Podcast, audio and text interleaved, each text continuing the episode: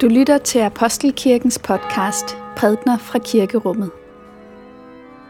Find mere information på apostelkirken.dk. God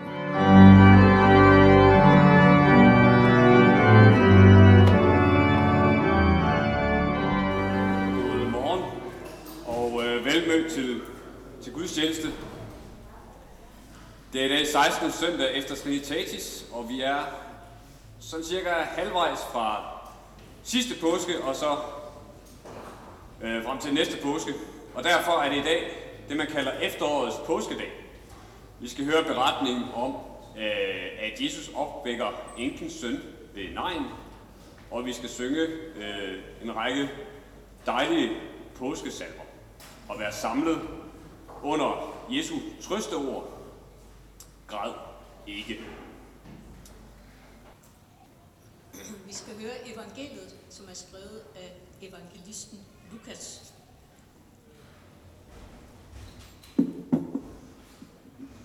Er det bedre nu? Derefter gik Jesus til en by, som hedder Nain, og hans disciple og en stor skare gik sammen med ham. Men da han nærmede sig byporten, se, der blev der båret en død ud, som var sin mors eneste søn, og hun var enke.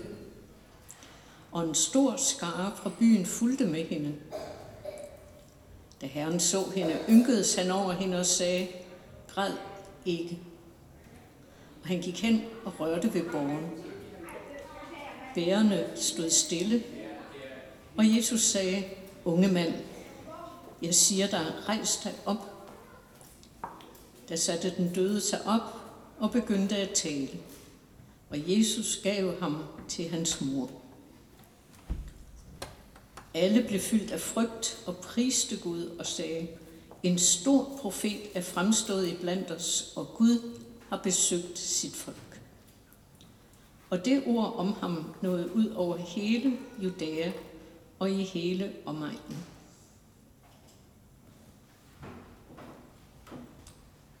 Lad os bede.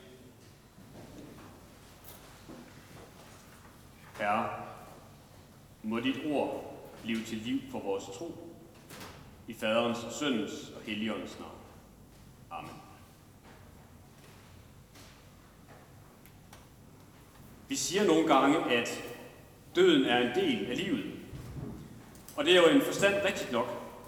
De mennesker, vi holder af, dør jo på et eller andet tidspunkt, hvis vi ikke selv dør først. Døden er uundgåelig. Vi siger jo ikke, hvis jeg dør, men når jeg dør. Det er ubehageligt at tænke på død.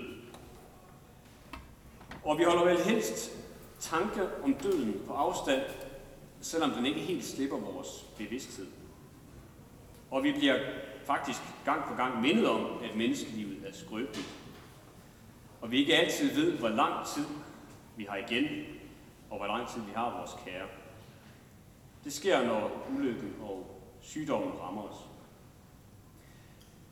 Vi kender ikke en verden, hvor døden ikke er et vilkår. Men alligevel må vi fastholde, at i et bibelsk verdensbillede, så er døden ikke noget naturligt. Døden er ikke en selvfølgelig konsekvens af, at Gud har skabt livet og verden. For Gud skabte oprindeligt en verden uden død. Og selvom vi gang på gang kan høre, at døden er en naturlig del af menneskelivet, og at vi alle skal dø, nærmest som noget, der ligger indbygget i det at leve, så er det ikke sandt. For hermed glemmer vi, at døden er kommet ind i verden ved syndefald i, tidens, i tidens morgen. Døden kom ind i verden, fordi mennesket vendte sig bort fra livets Gud. Døden er så at sige den ultimative konsekvens af den adskillelse fra Gud, som synden er. Og døden er en fjende. Døden river kærlighedsbånd over. Døden skiller ægtefæller, forældre og børn, familie og venner fra hinanden. Døden bringer sorg, savn, gråd. På en eller anden måde ind i vores liv. Og døden kan få os til at blive stille her i livet, når vi for eksempel står ved en dødssyg, ved et dødsleje eller ved en grav, hvor kisten lige er blevet sænket i jorden. Og døden minder os om, at verden ikke er, som det var meningen, den skulle være. Og det er i den her sammenhæng, at vi skal forstå og læse dagens tekst, som vi har foran os. Jesus kommer til byen Nain, og ved byporten i Nain møder dødens optog livets optog. Livets optog med Jesus, som er på vandring med sine disciple, og en stor skare, som følger med. Et optog, som man kan forestille sig, er fyldt af begejstring og forventning. Og i skarp kontrast til det, så står altså dødens optog. Et ligtog med en mor og hendes døde søn. Også kvinden her, hun har en stor skare med sig, men det er en skare i sorg. Dengang ville normal praksis være, at alle i samfundet smed, hvad de havde i hænderne for at tage del i optoget. Og særligt i en lille landsby, hvor man ville kende hinanden godt. Det er det, der sker her. Og på Jesu tid blev den døde begravet samme dag, som vedkommende var død uden for byen. Man havde ikke mulighed for at opbevare livet, og det var nødvendigt at gøre det hurtigt. Og med andre ord, så bliver sorg og savn overvældende midt i situationen, hvor alting skal forberedes. Først måtte man sikre sig, at døden virkelig var indtrådt. Derefter så rev de pårørende deres tøj i stykker som tegn på den sorg, som de var i. Og som det tredje salvede man den døde med vellugtende salver og iførte den døde hvide ligeklæder.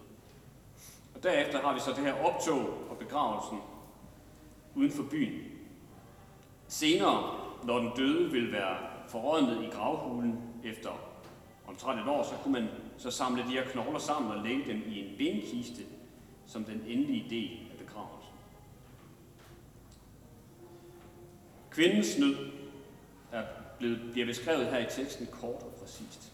Der er ikke tvivl om den store tragedie, som har ramt hendes liv. Den døde på borgen var sin mors eneste søn, og hun var ikke. Der er tale om en social katastrofe, og, dels, og selvfølgelig også en personlig. Det er fremtiden, der er lukket for enke. Omfanget af den menneskelige tragedie bliver udtrykt klart i det her med, at hun begraver sin eneste søn. Kvinden har været igennem meget lidelse. Hun har mistet sin mand, og nu også sin søn. Hun havde mistet ham, som skulle tage sig af hende i et samfund uden andet socialt sikkerhedsnet end familien. Hun var overladt til andres barmhjertighed. Og i mødet med den her tragedie skal vi lægge mærke til, hvad det er, Jesus han gør. Det vi ser her er på en gang hans menneskelighed og hans guddommelighed. For da Jesus ser kvinden, bliver han dybt berørt over hendes nød. Han ynkes. Han sørger med hende. Men så siger han noget, som man næsten kan finde upassende. Græd ikke. Kan man tillade sig at sige sådan til et menneske, der er i sorg? Det kan næsten synes en smule taktløst. Har han ingen situationsfornemmelse? Vi siger nogle gange græd ikke, når vi ved, at noget ikke er så slemt. Det kan være til et barn, der bryder ud i grådet, fordi mor lige skal ud af døren, og ikke er i syne længere. Men vi ved, at hun kommer tilbage før eller senere.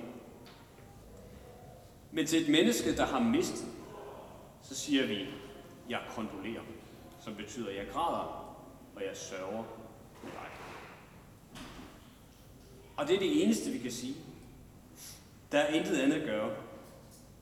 Vi kan ikke ændre situationen. Tabet er reelt, og vi står magtesløse over for det. Men Jesus han siger, græd ikke. Og det gør han, fordi han ikke er magtesløs. Fordi han kan ændre situationen. Han kan sige det, som ingen af os kan sige, fordi han ved, hvad han vil gøre. Jesus rækker sin hånd ud for at stanse livsåden, tager fat i borgeren. Og så taler han til den døde. Unge mand, jeg siger dig, rejs dig op. Og underet sker, den døde kan faktisk høre Jesu stemme og sætter sig op. Han begynder at tale, og Jesus giver ham til hans mor. Hun får sin søn tilbage, og det var ikke kun den døde, der fik livet igen.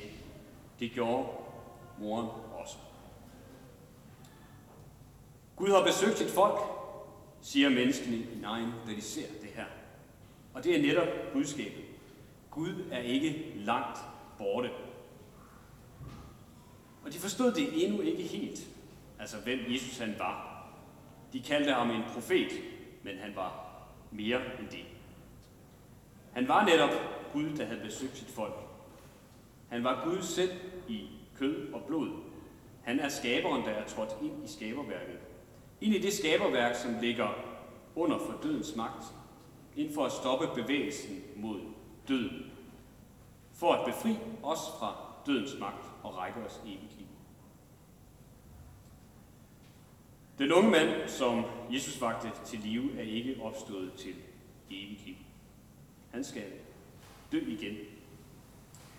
Men hans tilbagevendelse til livet og den genoprettelse, der fandt sted både for ham og for hans mor, peger frem imod påskemorgen, den dag, hvor Jesus selv overvinder døden for altid. Og påskemorgen viser igen frem mod den dag ved tidernes ende, hvor Jesus kommer tilbage og holder dom over verden og endeligt vil genoprette skabelsen og fjerne døden for altid. Så når Jesus i dag, dagens 6 siger græd ikke, så peger han frem mod den dag, hvor alt gråd og sorg skal forsvinde. Sådan som det er beskrevet i den sidste bog i Bibelen, i Johannes åbenbaring, hvor der står, Nu er Guds bolig hos menneskene. Han vil bo hos dem, og de skal være hans folk. Og Gud vil selv være hos dem. Han vil tørre hver tårer af deres øjne, og døden skal ikke være mere. Ej heller sorg, ej heller skrig, ej heller pine skal være mere. Til det, til det, som var før, er forsvundet. Det er det håb, det peger frem imod. Men evangeliet i dag er også bevidst om, at vi lever i en verden, der er fuld af lidelse, sorg og smerte. Og den fratager ikke, at lidelse, sorg og smerte og sygdom og død er en del af livet i syndefaldets verden. Tværtimod, døden er fortsat en realitet, og den brudtid, som døden repræsenterer, er virkelig. Men alt det her, dødens virkelighed i vores verden, skal ikke og har ikke det sidste ord. Kristus har nemlig overvundet døden. Som sand Gud og sand menneske er han trådt ind i den verden, ind i vores virkelighed, og har betalt den straf og forbandelse, som er syndens og Guds opgørets konsekvens.